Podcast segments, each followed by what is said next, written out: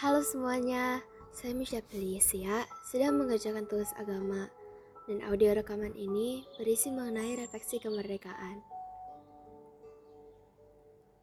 Selama dua tahun ini, kita tidak bisa merayakan Hari Kemerdekaan Indonesia dengan kemeriahan yang biasa kita dapatkan sebelumnya. Tidak ada lomba, tidak ada kesenangan, bahkan terasa seperti hari yang biasa saja dan tidak terlalu spesial. Ya, Mungkin sih cuma hari liburnya aja yang spesial, terutama bagi anak yang masih bersekolah seperti saya. Tetapi, kita bahkan tidak bisa bertemu secara langsung untuk merayakan kemerdekaan Indonesia bersama-sama. Dan hal tersebut membuat kemerdekaan saat ini tidak terasa terlalu spesial, tidak seperti perayaan kemerdekaan saat sebelum pandemi. Memang, Kemerdekaan itu ya merupakan salah satu hal yang penting dan paling berkesan dalam hidup kita, terutama kita sebagai warga negara Indonesia. Karena kemerdekaan adalah hari di mana kita sebagai warga Indonesia bisa hidup kayak gini, seperti sekarang.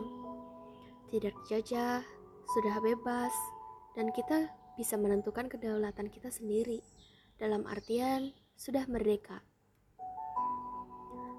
Banyak orang mengira arti kemerdekaan itu hanya sekadar perayaan seremonial belaka dengan upacara bendera, mengibarkan sangsaka merah putih, menancapkan umbul-umbul di sepanjang jalan, atau bahkan ramai-ramai memasang meme di sosial media, atau memasang poster di jalanan yang ramai.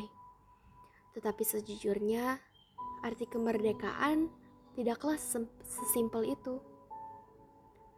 Bagi saya, Arti kemerdekaan adalah soal sikap mental kita sebagai warga negara Indonesia yang mencintai tanah air sepenuh jiwa. Dan tentu saja harus diwujudkan dengan perilaku yang baik. Sudah sepatutnya kita mengucap rasa syukur atas nikmat kemerdekaan bangsa ini yang telah menca banyak mencapai kemajuan.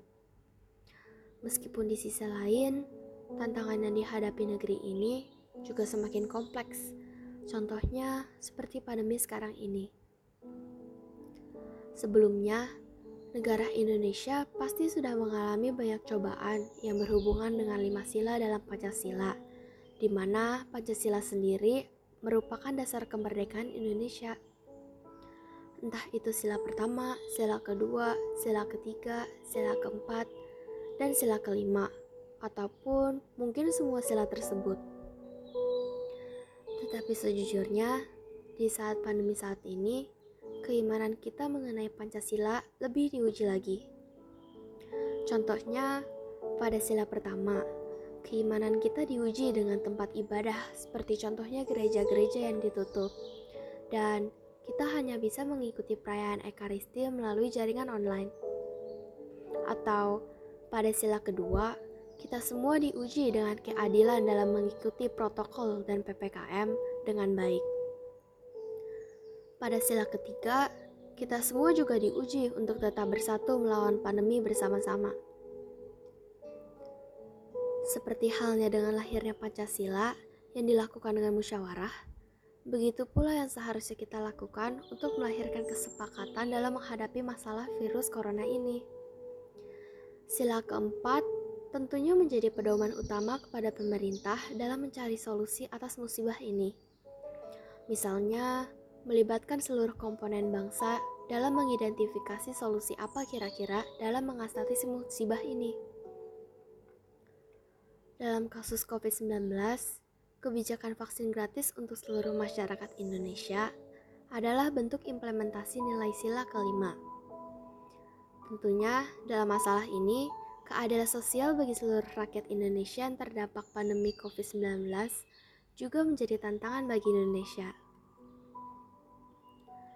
Sekiranya itulah arti kemerdekaan bagi saya, di mana iman kita mengenai Pancasila diuji lebih dalam melalui pandemi sekarang, dan di mana keadaan Indonesia yang sudah merdeka sangat berdampak bagi kita semua saat ini.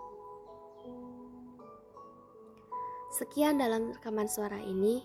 Semoga apa yang saya refleksikan dapat menguatkan iman kita mengenai Pancasila dan arti kemerdekaan, terutama di saat pandemi sekarang. Terima kasih, sampai jumpa lain kali. Dadah.